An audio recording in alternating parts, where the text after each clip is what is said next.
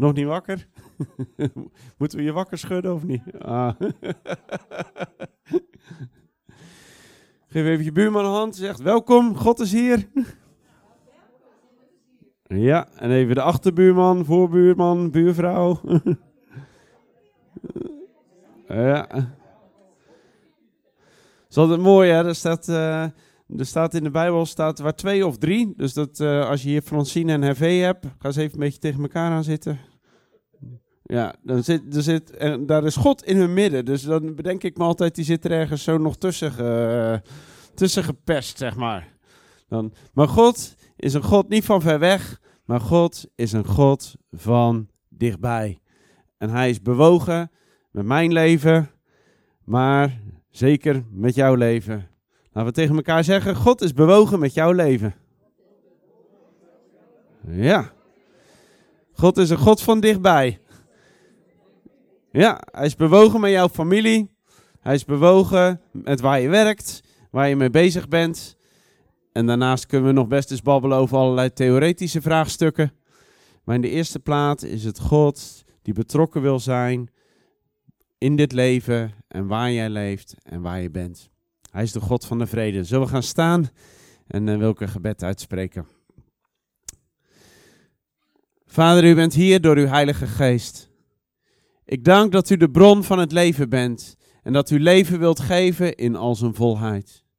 Ik dank, Heer, Heer, dat u de koning van de vrede bent en dat u wilt komen met uw vrede in onze harten. En verklaren vandaag, Vader, daar waar chaos is, dat u komt met uw orde, met uw vrede en met uw blijdschap in de naam van Jezus. Vader, ik dank Heer. Heer, daar waar ziekte is. Vader, dat u mensen wilt aanraken deze morgen in de naam van Jezus. Ik dank dat u licht bent en dat er in uw geheel geen duisternis is. Vader, en dat u wilt komen met uw licht, Vader, op elke plaats daar waar duisternis is in ons leven, in de naam van Jezus. U bent gekomen omdat wat verloren is, om dat te redden.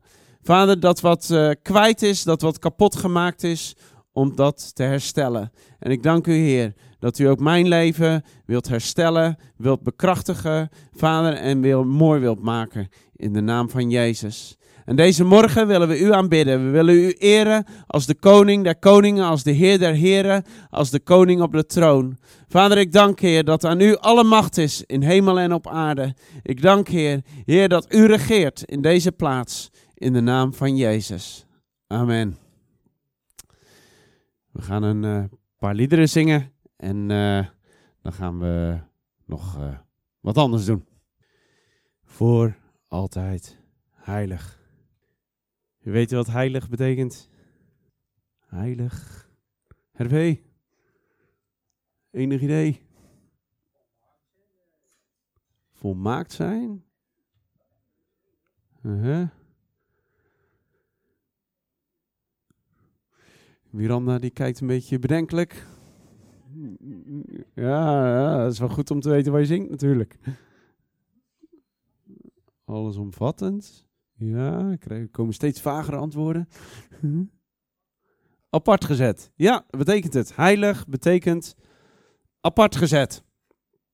Dus ja, eigenlijk als je je kind in de hoek zet, dan ben je ook heilig, ben je apart gezet, zeg maar. je bent echt heilig, je bent apart gezet. dat betekent apart gezet. Apart gezet voor de dingen van God. Er staat zelfs, laten we tegen elkaar, er staat in de Bijbel dat je tot elkaar spreekt. Dus uh, zijn we hier uh, niet zo gewend in het, uh, in het Westen. Maar daarom doe ik dat vaak, zeg tegen je buurman. Dat is eigenlijk heel bijbels. Je predikt tot elkaar. Nou, dan zullen we nog een bijbeltekst tegen elkaar zeggen. Wees heilig, want ik ben heilig, zegt God. Wees heilig, want ik ben heilig. Ja. En dat heeft alles te maken met wat dat lied wat we er net zongen. Zijn naam staat altijd bovenaan. Ik ben apart gezet voor de dingen van God. Jij bent apart gezet voor de dingen van God. Uit mijzelf kan ik niet in het licht leven. Maar doordat zijn naam altijd bovenaan staat, door de naam van Jezus, kan ik wel in het licht leven. Van mezelf ja, we doen vaak heel krachtig. Paco, heb jij spierballen? Nee, geen spierballen vandaag. Elias misschien? Ja, dat is altijd... als je zit te praten, dan krijg je een beurt, hè. Dus dan... Uh ja, we kunnen heel krachtig doen. Maar wie heeft er al eens geprobeerd zichzelf een beetje te veranderen? Wie zou het graag willen, zeg maar? Wie zou willen dat het wat sneller gaat? Ja, dat is lastig, hè? Zelfs hele simpele dingen zijn al best moeilijk om te veranderen. Zeker als je een beetje op komt. Zit er goed ingeslepen. Maar we hebben de naam boven alle namen nodig. De naam van Jezus. We hebben Hem nodig, zodat het licht van Hem de duisternis in ons leven kan verdrijven. De naam boven alle naam. Laten we het nog een keer tegen elkaar zeggen. Je hebt hem nodig. Je hebt hem nodig. Ja. Ja, ik heb hem echt nodig. ja, anders komt het niet goed. Nee, maar door hem komt het wel goed. En hij belooft, ik wil jou een leven geven in al zijn volheid, staat er dan. Wat betekent volheid? Dat betekent niet, ik heb slecht nieuws voor je vandaag. Dat betekent niet dat iedereen hier miljonair wordt. Dat betekent niet dat het allemaal glorie halleluja is en gemakkelijk en we zweven door het leven. Alleen Nadelson misschien, die, die zweeft door het leven. Ik kom uit Brazilië, altijd zonneschijn. Ja, nee. Maar wel een leven in al zijn volheid. Dat heeft hij beloofd voor jou. Een leven in volheid. Laten we tegen elkaar zeggen. Een leven in volheid, dat heeft hij voor jou, joh. Ja, voor jou. In al zijn volheid. Ja. ja, ja. En als je het niet gelooft, dan doe je maar even net alsof je het gelooft, hè? ja. Het een leven in al zijn volheid. Echt waar.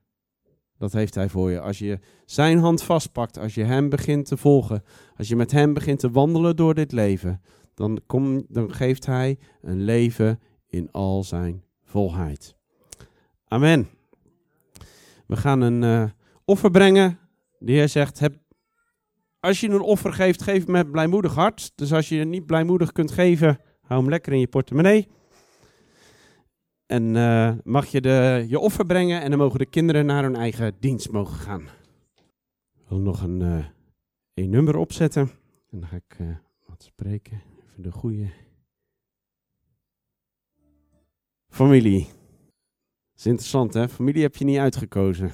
Over het algemeen tenminste. De ene heeft wat betere ervaring met familie. De andere misschien wat mindere ervaring. nou, dit is een lekker gek doen. In de familie, wie doet er wel eens gek met zijn gezin? Onnozel, zullen we zeggen. Je onnozele dingen in het gezin? Ik heb vanmorgen de kinderen nog wijs gemaakt dat ik wereldkampioen was uh, boterham filet américain eten. Mijn dochter die ging op een duur naar de keuken om het aan mijn vrouw te vragen. Die meespeelde en zei dat, uh, dat de bekers, uh, of de, de kampioensbekers, dat die op de zolder stonden. En er stond, uh, toen pakte mijn dochter, die pakte de krant en er stond een, iemand uit Goes, die was weer Nederlands kampioen bodybuilding geworden. Dus toen vertelde Tirza dat ze nog bodybuilder was geweest. Maar dat ging te ver, dat geloofde ze niet meer. Weet je, het is goed om in je gezin om, uh, om te lachen, soms om gekkigheid uh, te hebben met z'n allen, om plezier te maken. Uh, als je terugdenkt aan, aan je gezin van vroeger, als ik, als ik eraan terug denk aan veel gezelligheid, soms aparte dingen doen, lekker lachen met z'n allen. Misschien, misschien hebben jullie, elk gezin heeft wel van dingen, pizzaavondjes, of de andere heeft tosti-avondjes en de volgende heeft, weet ik veel wat je hebt. Ik hoor vaak van uh, Petra, ja, dan gingen we met z'n allen gingen we naar uh, die dag toe in, uh, hoe heet dat, in de Vlaanderen, de VVP-dag, zeg maar. Nou, daar, daar hoorde ik al, hey, die gaan elk jaar gingen die met z'n allen naar de VVP-dag en daar zit dan een bepaald gevoel zit daarbij, terwijl een ander dat misschien niet heeft. Het is goed om, om zulke dingen te implementeren in je gezin. Waarom is er een gezin? En wat is een gezin? De Bijbel vergelijkt eigenlijk. eh, de, de Bijbel staat vol met gezin eigenlijk. Hij vergelijkt de familie van God met een gezin. Hij, eh, eh, hij vergelijkt zijn gemeente met een gezin. Alles is gezin. En als ik nou eerlijk ben, hoe, hoe ben jij groot geworden? Niet? ja, hoe gaat dat? Ja. Met vallen en opstaan, ja. Ja, de, e-, de eerste acht jaar, daar kan je weinig van herinneren. Hè? Dat, eh, dat gaat gewoon. Je, je komt ergens binnen. En eh, je hebt ook niet een, eh, een lesje dat je constant met je moeder zit. Nou, zo gaan we groot worden, hè? Stap 1, stap 2, stap 3, stap 4. Nee. Nee, door in een goede atmosfeer, hopelijk goede atmosfeer te zijn. Door, door ouders die brengen, onbewust brengen die waarden met, geven die over. Die geven waarde mee. En daar ben je helemaal niet bewust van. Vaak totdat je mensen tegenkomt met andere waardes. En dat hoeven niet altijd goede of slechte waardes te zijn. Ik geef je een klein voorbeeld. Toen ik trouwde met Tirza. Ze vindt het voorbeeld nooit leuk, maar ik vertel het toch. Dan eh, gingen we gourmetten. En eh, in mijn hoofd ziet gourmet... Jullie kennen gourmet hier, hè? Ja, dat ziet er op een bepaalde manier uit. Als wij als gezin gingen gourmetten, dan heb je dit soort eh, vleesjes erbij en dit soort groenten erbij. En dat, dat, dat doe je zo. Wij hadden nooit pannenkoekjes en zo. En toen ging, eh, ik, ik was weg, ik zou thuiskomen. Ze had eh gourmet klaargezet en er stond opeens zo'n zo'n pop met eh, pannenkoek, pannenkoekbeslag. Dus ik zei, pannenkoekbeslag? Wie, wie doet er nou pannenkoekbeslag? Wie maakt er nou pannenkoekjes met de gourmet? Ja, maar zo doe je toch gourmet? Nee, zo doe je geen gourmet. Nou, dan krijg je heel, als je trouwt, als je kinderen krijgt, wat krijg je? Dan krijg je referentiekaders. En dan gaat het niet zozeer om goed of slecht, maar dat gaat over al die waardes vaak die je mee hebt gekregen, vaak onbewust vanuit waar je opgegroeid bent. Dat heeft met je cultuur te maken, in zijn algemeenheid. Nederlander, Braziliaan, Vlamingen. Jullie bruiloften zijn heel anders dan de onze. Ja, ik weet nog dat ik voor het eerst op een Vlaamse bruiloft was. Toen dacht ik, zo doe je dat toch niet? En zij kwamen bij ons. Wat saai, zo doe je dat toch niet? Ja. Dan, eh, in Nederlander, die, die doet altijd, dan nodigt hij de een uit voor, eh, voor de dienst van tevoren. Dan moet hij zelf even ergens gaan eten. Dan heb je een andere categorie voor het eten. En dan heb je een volgende categorie, heb je, die mag dan op de receptie komen. En dan heb je nog een categorie die op het feest komt. Nou, dat- dat is, in heel veel culturen zou dat totaal onbeleefd zijn. Bij ons is dat heel normaal.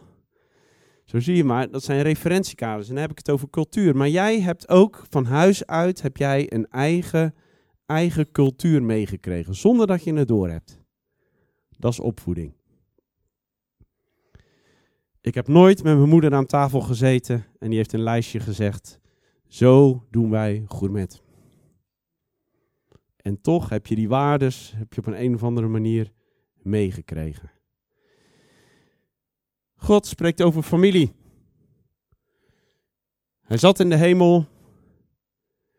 Ashley is het, hè? Ja, nou laat ik jou als voorbeeld gebruiken, het is niet gevaarlijk. De meeste mensen komen, gaan levend naar, de- naar buiten, dus het komt goed. Dus, eh, God zat in de hemel en die had Ashley vast. En die dacht, wat gaan we daar nou eens, wat gaan we daar nou eens mee doen? Zo had hij iedereen van ons in de hemel vast. En die dacht, wat is nou de beste plaats?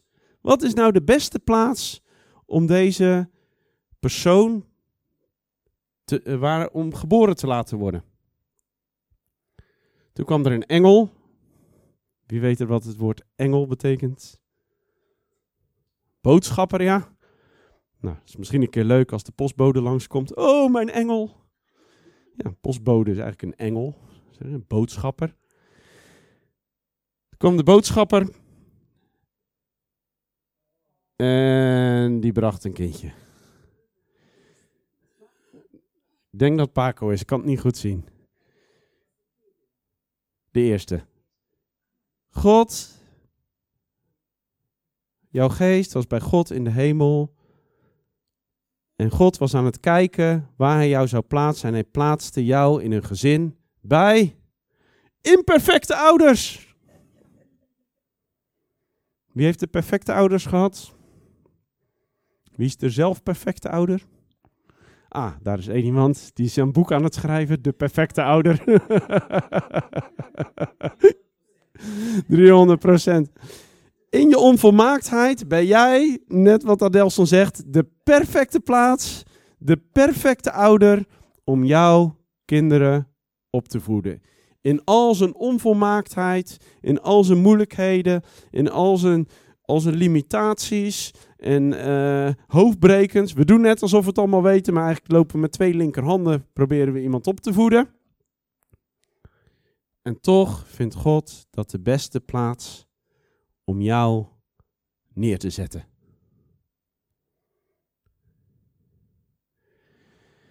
Zo is dat ook met God.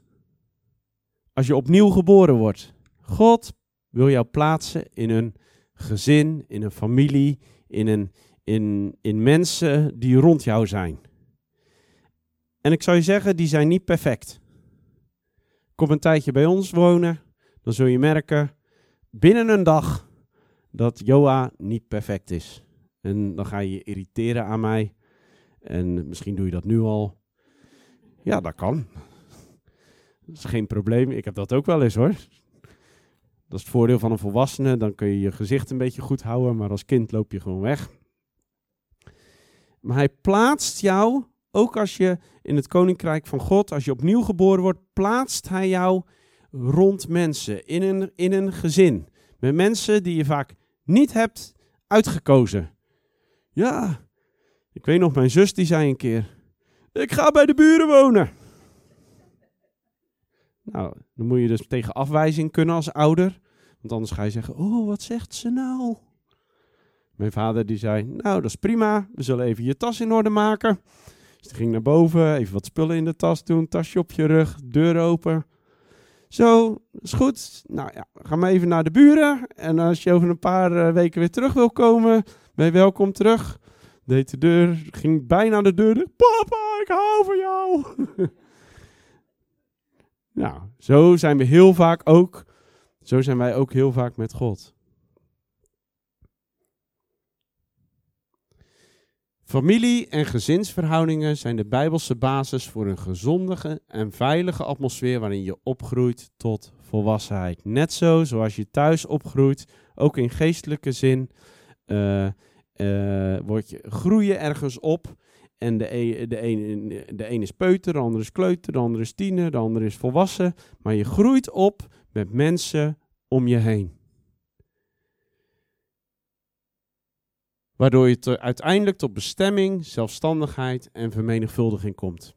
Ik neem aan dat het de bedoeling is dat jullie zoon niet meer thuis woont over 10 jaar, 20 jaar. Jullie voeden hem op waarschijnlijk om voor altijd bij jullie te wonen.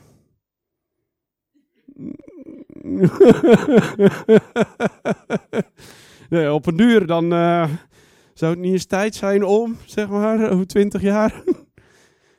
Ja, ja maar dat, dat is normaal. We, voeden op zodat iemand tot zelfstandigheid komt. Dat iemand uh, in deze maatschappij, in deze wereld, dat hij uh, een eigen gezin, een eigen, een eigen plaats kan creëren. Dat is gezond. Dat is, dat, dat, is, dat, is, dat is een van de doelen. Zo ook in, in de gemeente van Jezus Christus. We groeien op tot volwassenheid, zodat er vrucht kan voortkomen naar onze aard. Zodat je tot vrucht kan komen, tot zelfstandigheid kan komen. Dat is de, dat is de bedoeling. Genesis 12, vers 3b, die zegt het heel mooi. In jullie zijn alle familie van de aarde gezegend. In jou. Ik heb daar de Donald Duck Family Tree neergezet. Misschien zit je ook, Dagobert Duck zit ertussen. Er allerlei pluimage zit ertussen. Maar dan staat er, in Abraham, door hem zijn alle geslachten van deze aarde zijn gezegend, staat daar. zo verder lezen.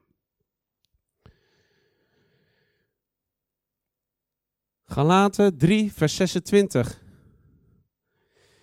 Want je bent allemaal kinderen van God door het geloof in Christus Jezus. Hoe word je een kind van God? Je wordt opnieuw geboren doordat je gelooft in Jezus Christus. Dat je gelooft dat Hij gestorven en opgestaan is. En dat je Hem gezegd heeft: Ik leef niet langer, maar ik maak U de koning, ik maak U de Heer van mijn leven. Of de baas van mijn leven. En dan word je een kind van God. Staat heel mooi. Staat er. Het is God zijn geest die uitroept met jouw geest, Abba Vader. En zo weet je dat je een kind van God bent.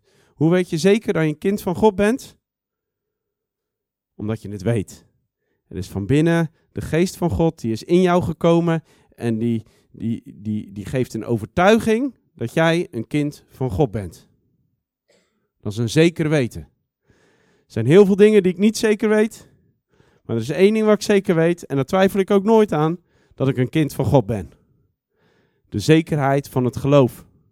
De zekerheid dat ik gered ben voor de eeuwigheid. En dat is iets wat God door zijn geest wil geven aan jou. Dat komt niet door honderdduizend bijbelstudies. Kan helpen. Maar dat komt doordat je je leven aan hem hebt gegeven. En de geest van God die komt in jou wonen. En die, en die getuigt van binnen dat je een kind van God bent. En dat is iets sterks. Dat is iets wat onwankelbaar is. Dat is iets wat een anker voor je ziel is. Een vaststaand feit. Dus iets waar ik ook nooit aan twijfel. Er was een keer iemand die zei tegen me: Ja, maar Joa, twijfel je dan nooit? Nee, twijfel ik echt niet aan. Twijfel ik echt nooit aan. Dat, dat ik een kind van God ben. En dat wil God aan iedereen geven door het geloof in Jezus Christus. En als u van Christus bent, dan ben je Abrahams nageslacht en ook overeenkomstig erfgenamen. Andere keer op in. Galaten 4, vers 28. We zijn nu broers, zijn kinderen van de belofte, net zoals Isaac. We zijn broers hier, we zijn een broer van Jezus. Dat staat er eigenlijk. En erfgenaam. Omdat we een kind van God zijn, zijn we een erfgenaam van God. We gaan verder. De nepios. Staat in Johannes 3, vers 3. De nepios betekent de nietziende. Wordt gebruikt bij Nicodemus. Ik zeg altijd voor de grap Nicodemus. Nicodemus die komt naar Jezus toe en die zegt: Hoe kan ik opnieuw geboren worden? Hoe werkt dat? Moet ik opnieuw geboren worden uit mijn moeder? Dat gaat toch allemaal niet? Vrij logische vraag. En Jezus die antwoordt dan dat je opnieuw geboren wordt door water en geest. Dat je opnieuw geboren wordt door Jezus Christus aan te nemen als jouw verlosser en zaligmaker. Dat er opnieuw dat er een, een geboorte plaatsvindt. Kapas iemand die gaf zijn leven aan Jezus. En die zei, ik voel me als herboren, zei hij. Ik zeg nou, en dat is nou precies wat er gebeurd is. Dus iemand die helemaal geen gelovige achtergrond heeft. Hij nam Jezus Christus aan op de bank bij ons en hij zei, ik voel me als herboren. Zei, je bent herboren. Want dat is wat God doet. Hij laat je opnieuw geboren worden. Vond ik heel mooi. is drie weken geleden bij ons op de bank. was een jongen die zei, die had gebeld. Die zei, kan ik met je praten? Ik wil, uh, ik wil mijn zonde, ik wil uh, komen biechten, mijn slechte dingen wil ik komen vertellen. Ik heb, ik heb iets, iets anders nodig. En ik heb hem gezegd, je hebt Jezus nodig. En hij nam Jezus in zijn leven aan. En dat waren zijn eerste woorden. Ik voel me als herboren. Weet je, en dingen zijn anders vanaf die dag. Omdat hij met Jezus wandelt. Opnieuw geboren. De nietziende die gaat zien. Begin nog een beetje bazig, maar die gaat zien.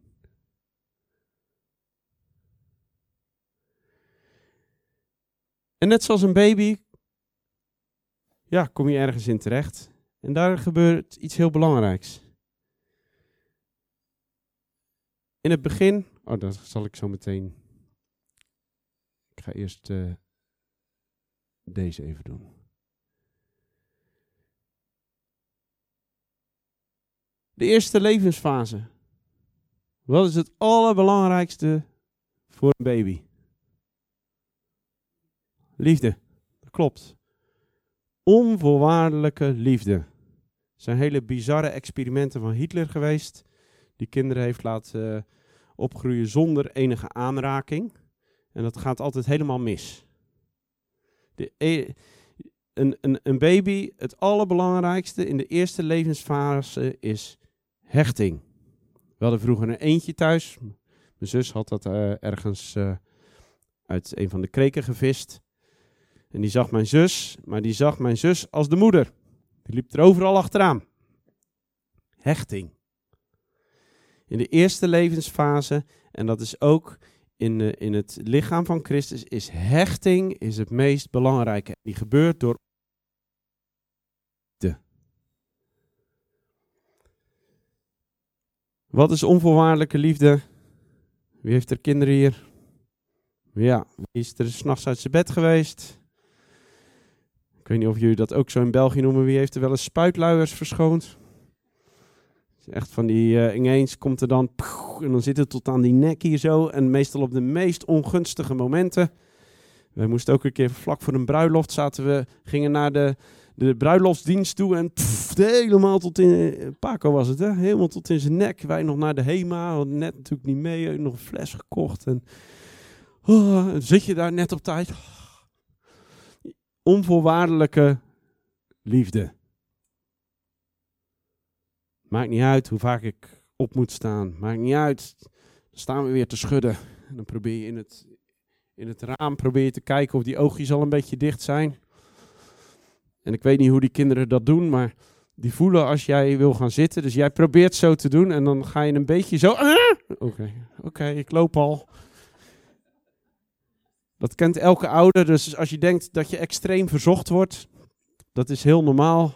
Succes. Uh, Binnenkort uh, mogen jullie, hè? Dus uh, we zullen aan jullie denken. Ah, ja. nou, die ervaring komt vanzelf, hoor. Dat,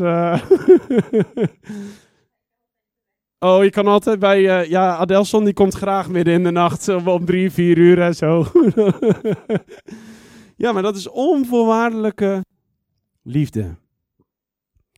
Als Paco nu acht keer per nacht komt...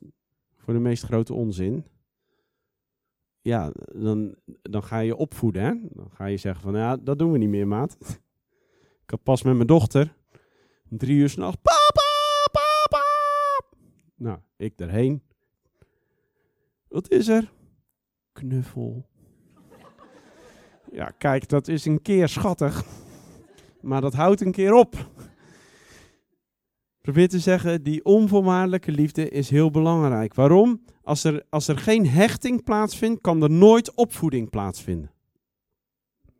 Als ik niet weet dat ik geliefd ben, als ik niet weet dat ik aanvaard ben, als ik niet weet dat ik met al mijn rotzooi gewoon wop kan komen, wat gebeurt er als er dan correctie komt? Wat gebeurt er dan als er iets van kritiek komt? Wat gebeurt er?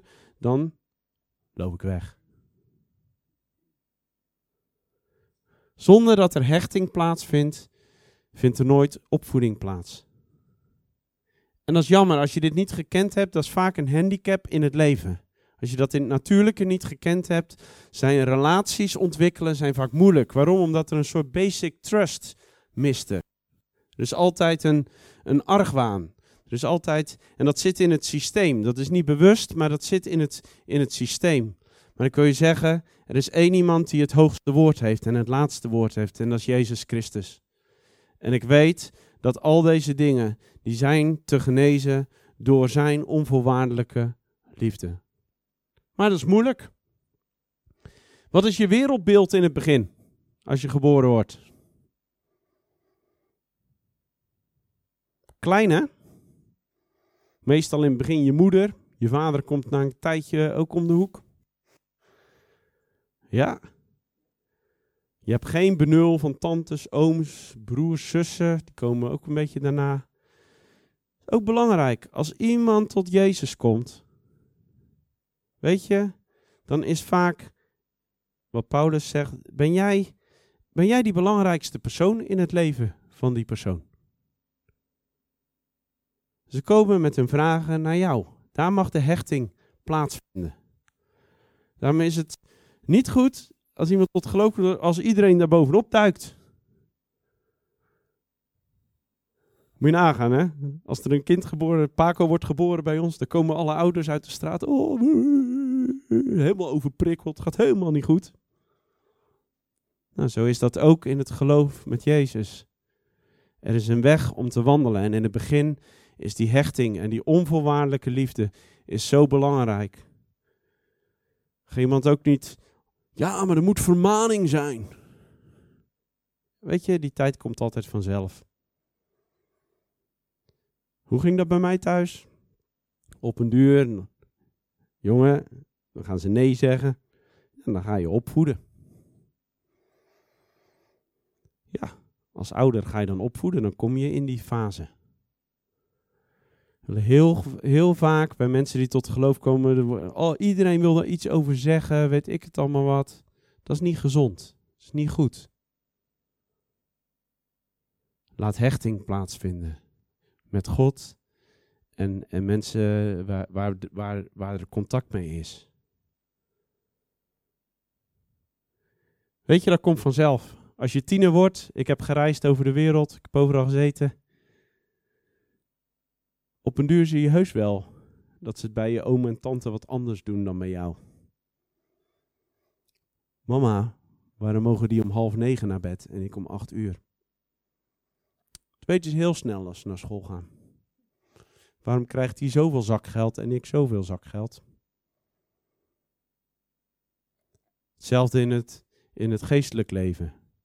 Je komt er vanzelf achter dat er plaatsen zijn waar ze dingen anders doen. Prima, waar andere families zijn. Ik had een vriend en ik kwam er ineens achter, die eten elke derde boterham met kaas. Dus ik had de derde boterham met wat anders. En die vader zei, elke derde boterham met kaas hè? Ik dacht dat het een grapje was, maar toen kwam ik erachter dat het echt zo was. En die deden dan het geld wat ze bespaarden, dat deden ze voor de zending in een potje. Nou, elk, elk gezin functioneert anders. En zo ook in kerkelijke zin, zo ook in, in geestelijke zin functioneren dingen verschillend. En dat is goed als de ingrediënten van de opvoeding maar hetzelfde zijn. Niemand is uh, hetzelfde opgevoed als ik, denk ik hier. Nee, en niemand is opgevoed zoals jij. Toch zijn we er allemaal redelijk uitgekomen, toch? Ja, ik zie daar wat twijfel bij Daphnes, maar geval. ja, nou, het is redelijk, eh, redelijk hè? Dat is uh, hier en daar wat bijspijkeren. Hechting. Hechting is belangrijk, dat is een afhankelijkheidsrelatie. Daarom is het altijd belangrijk als ouder om te weten, hé, hey, ik voed mijn kinderen op zodat ze uiteindelijk zelfstandig in deze maatschappij kunnen functioneren. Ik voed mijn kinderen niet op zodat ze hun leven lang bij papi kunnen zitten. Als ik ze goed opvoed, dan worden ze zelfstandig, kan ik ze loslaten en doordat die band er is, komen ze terug naar je. De Bijbel zegt, alles wat je krampachtig vasthoudt, zul je verliezen. Maar datgene wat je op een goede manier loslaat, dat zul je behouden, staat er in de Bijbel. Zie je ook vaak in gezinnen. Ouders die hun kinderen heel krampachtig bijhouden, wat gebeurt er vaak? Die verliezen ze. En dat is jammer. Als hechting niet heeft plaatsgevonden, komt er een zucht naar bevestiging en aanvaarding. Zit de kerk ook vol mee? Ten neus ook iemand, als iemand in de 70 al. Honderd keer zeggen, geweldig gedaan. Super. Geweldig. Nou, dat is ongeveer wat ik bij mijn dochter moet doen.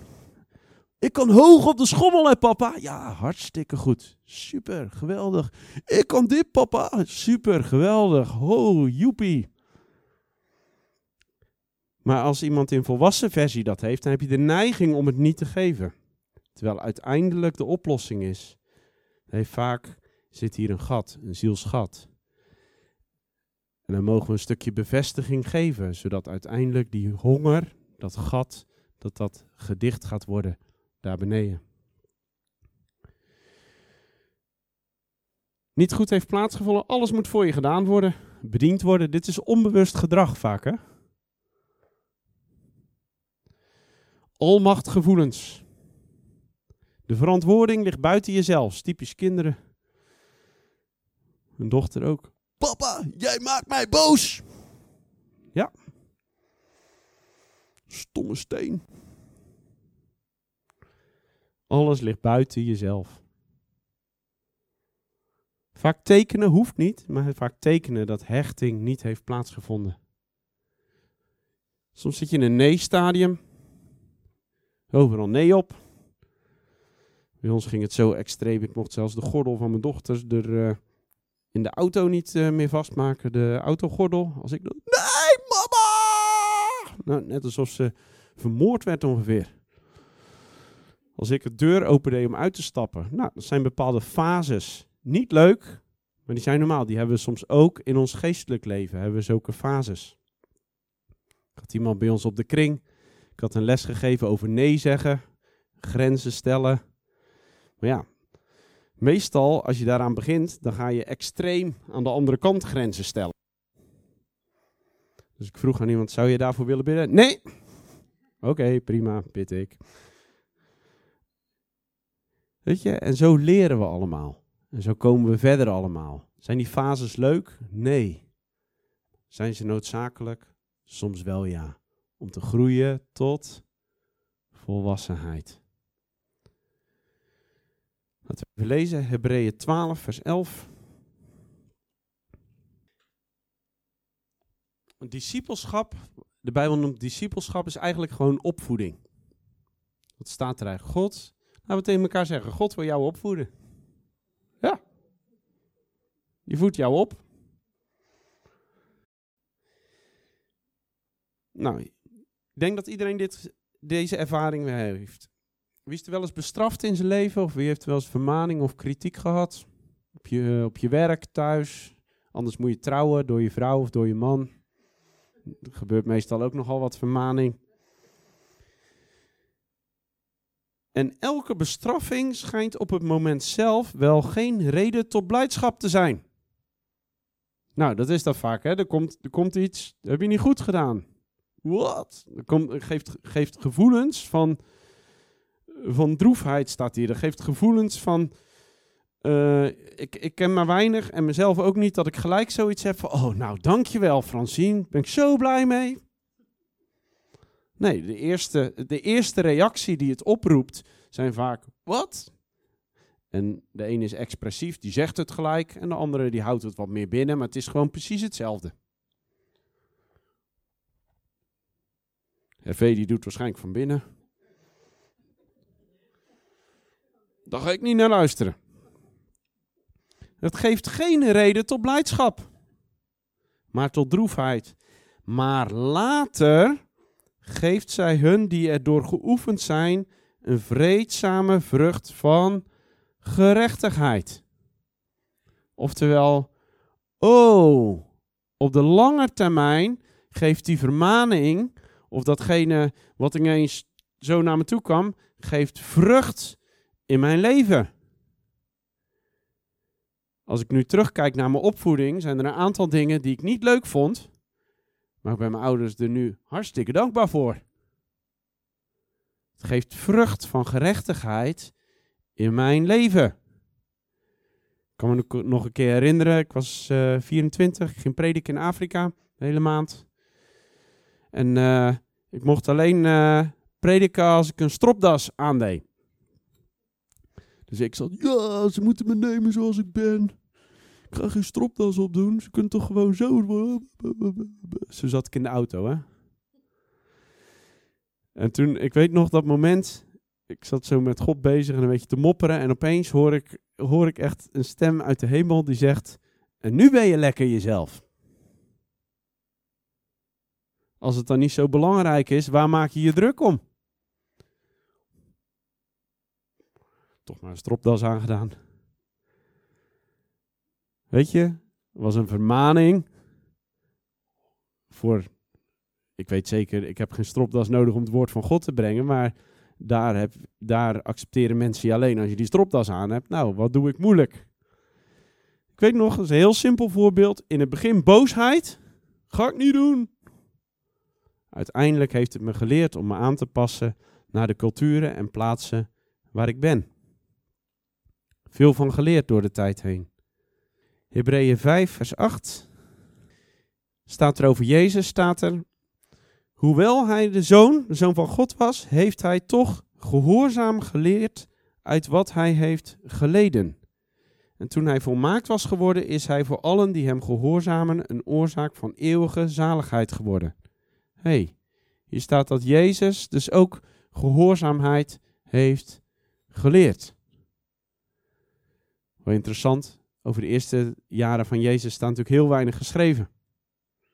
Ik weet niet, misschien heeft Jezus ook wel eens, die werkt in een timmermansbedrijf. Ik weet niet of hij wel eens op zijn vinger heeft geslagen. Geen idee. Maar hij heeft gehoorzaamheid geleerd, staat er. Hij mag terug. Een stapje verder, hier zie je. In de Bijbel wordt het woord teknon genoemd, dat is een schoolkind. Er staan eigenlijk vier, uh, vier stadia. Ik gebruik er even twee bij elkaar. Of een huios, dat is een volwassen zoon. Je kan dat nalezen in het woord. En er worden dus ook andere, uh, andere dingen van verwacht. Zoals ik van Paco verwacht dat hij niet de hele tijd van zijn fiets afvalt. Van elke leeftijd mag je dingen verwachten. Zo verwacht God ook door jouw levensfase heen, verwacht ook andere dingen. Mozes, die deed één keer, sprak hij tegen de berg in plaats van dat hij erop sloeg. En die mocht gelijk het beloofde land niet in. Ik ben blij dat dat bij mij nog niet zo ver is. Dan was ik al gaan hemelen. En worden door je geestelijk leven heen, door je groei, gaat, verwacht God ook weer andere dingen van jou. Ik verwacht van een baby niet dat hij netjes op tijd naar het toilet gaat. Zo verwacht God, als we opgroeien, verwacht ook andere dingen van je. Joa, een vriend van mij zegt het zo. Nou, dat vertaalt heel slecht, dus dat uh, ga ik niet doen. Maar uh, soms dan merk ik, hey, Joa, dat kinderachtige gedrag, kom op. We zijn volwassen. Ook in Christus. Een volwassen exemplaar kan offeren. Een kind kan niet offeren. Een tiener kan niet offeren. Dat is ik en mijn hormonen. Ik en mijn zelfontplooiing. En helaas zijn heel veel volwassenen kind gebleven. Maar ook iemand die volwassen is in Christus, die kan offeren. Die kan zijn leven geven zoals Christus zijn leven gaf. Dat zijn fases. Vaak heb je, kan ook in een fase zitten van, hé, hey, ik moet mijn gaven kwijt kunnen. Super. Op een duur kom je erachter dat je als hoogste gave jezelf mag geven. Je leert daar, je bent goed, maar je doet niet alles goed. Daarom is die identiteit, die onvoorwaardelijke liefde zo belangrijk. Joa, je bent goed. Je bent prima. Alleen, dit en dit en dit, dat moet je niet meer doen. Dat zijn acties. Je bent goed, maar je doet niet alles goed. Vind je me niet goed dan? Nee, dat heb ik niet gezegd. Je bent een geweldig persoon. Alleen dit zou ik wat anders brengen. En dan merk je als de identiteit niet gevormd is, dan, dan schiet iemand. Ik ben dus niet goed. Nee. Dan kun je ook aan jezelf kijken. Als iemand iets tegen jou zegt, wat ervaar je dan? Ervaar je dan, ik ben zeker niet goed? Of kun je dat terugbrengen op, hé, hey, nee, het heeft niks met mijn eigen waarde te maken. Het heeft iets te maken met mijn actie.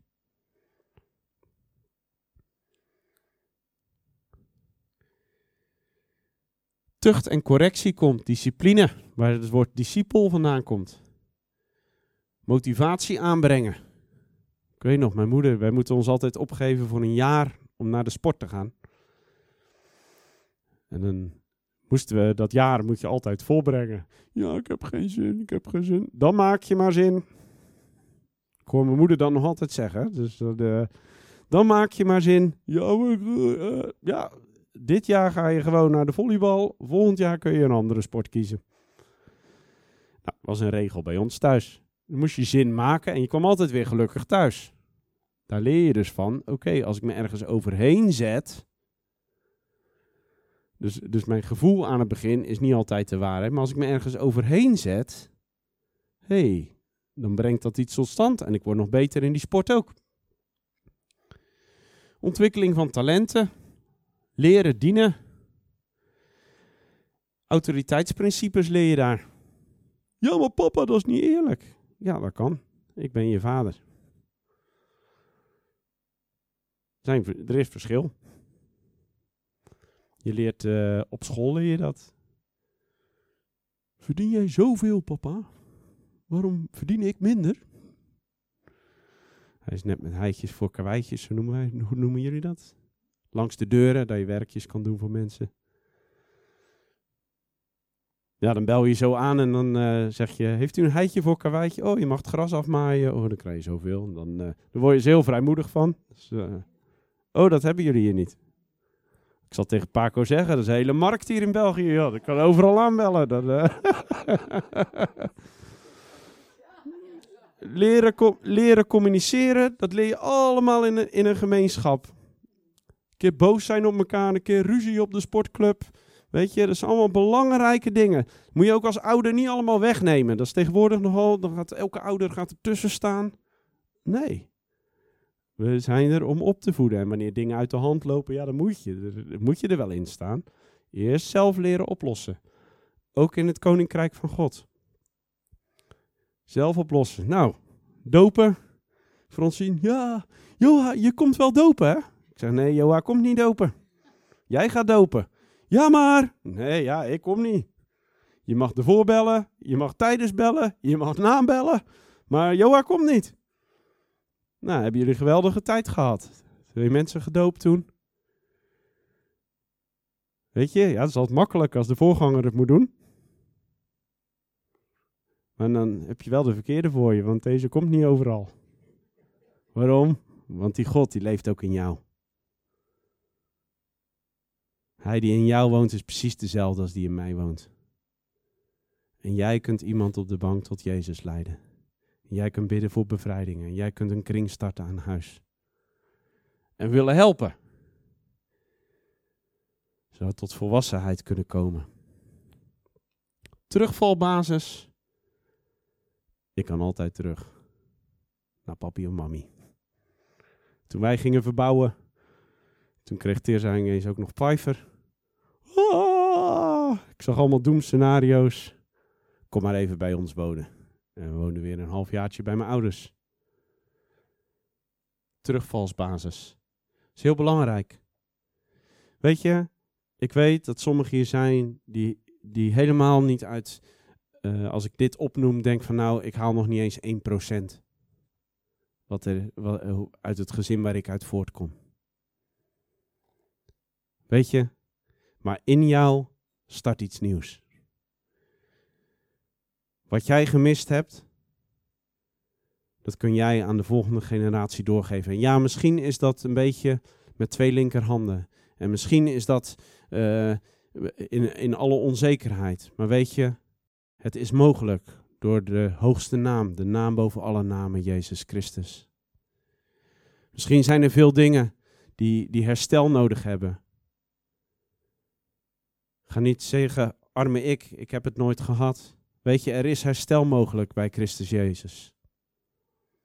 Ik heb mensen die nu een voorbeeld zijn.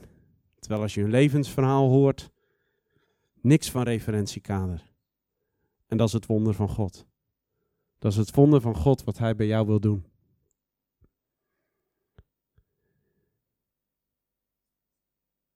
Kleinste gezin zal uitgroeien tot een grote familie. De kleine groep zal een machtig volk worden. Ik, de Heere, zal het allemaal laten gebeuren als de tijd ervoor aangebroken is. Hierin is mijn Vader verheerlijk dat gij veel vrucht draagt en je zult mijn discipelen zijn. Hij kan machtige dingen doen. En hij zal machtige dingen doen. Ik heb veel wonderen gezien. Niet alleen lichamelijk, maar ook genezing van de ziel. Genezing van mensenlevens. Genezing van gezinnen. En deze presentatie, ik heb er gezet, herstel van relaties. Omdat als je God, als je die hierin vindt, dan gaat er herstel plaatsvinden van relaties. Misschien ben je iemand die heel moeilijk relaties kan leggen. Vriendschappen, misschien kan je alleen maar hulp, hulpverleningscontacten lukt. Maar kun je geen vriendschappen op peer level. Misschien is het wel andersom. Misschien kun je alleen met vrouwen praten of alleen met mannen praten. Vaak het teken van beschadigingen die, die er zijn. En waar ik mee begon, God is bewogen over jouw leven. En God is bewogen over de dingen die gemist zijn en God is bewogen over de pijn. Maar hij zegt wel, we gaan de pijn niet uit de weg, we gaan er doorheen. Zodat je tot genezing en herstel kunt komen. En dat is het werk van God. Misschien kunnen we gaan staan.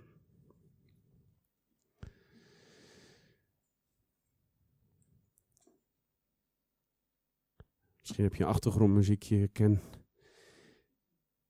Laten we gewoon even stil zijn. En als je zegt in jezelf van hé, hey, ik heb genezing nodig, God. Of misschien zijn er relaties die volledig in puin liggen en zeggen van God, wilt u een wonder doen? Dan wil ik gewoon eerst vragen of je voor jezelf dat naar God wil uitspreken en zeggen van God, God, wilt u komen? Wilt u mij genezen? Wilt u relaties herstellen? Wilt u de gaten van mijn ziel? Wilt u daarin komen met uw onvoorwaardelijke liefde? Dank dat u hier bent door uw Heilige Geest. Ik bid in de naam van Jezus. Vader, ik spreek hier in de diepe wonden van de ziel. Vader, uw genezende kracht in de naam van Jezus. Vader, u zegt in uw woord dat er onder uw vleugelen dat daar genezing is.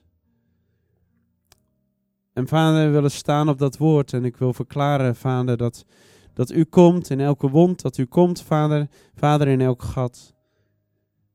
Vader, en ik bid, Heer, dat daar een wonder gaat gebeuren, Vader, in de naam van Jezus.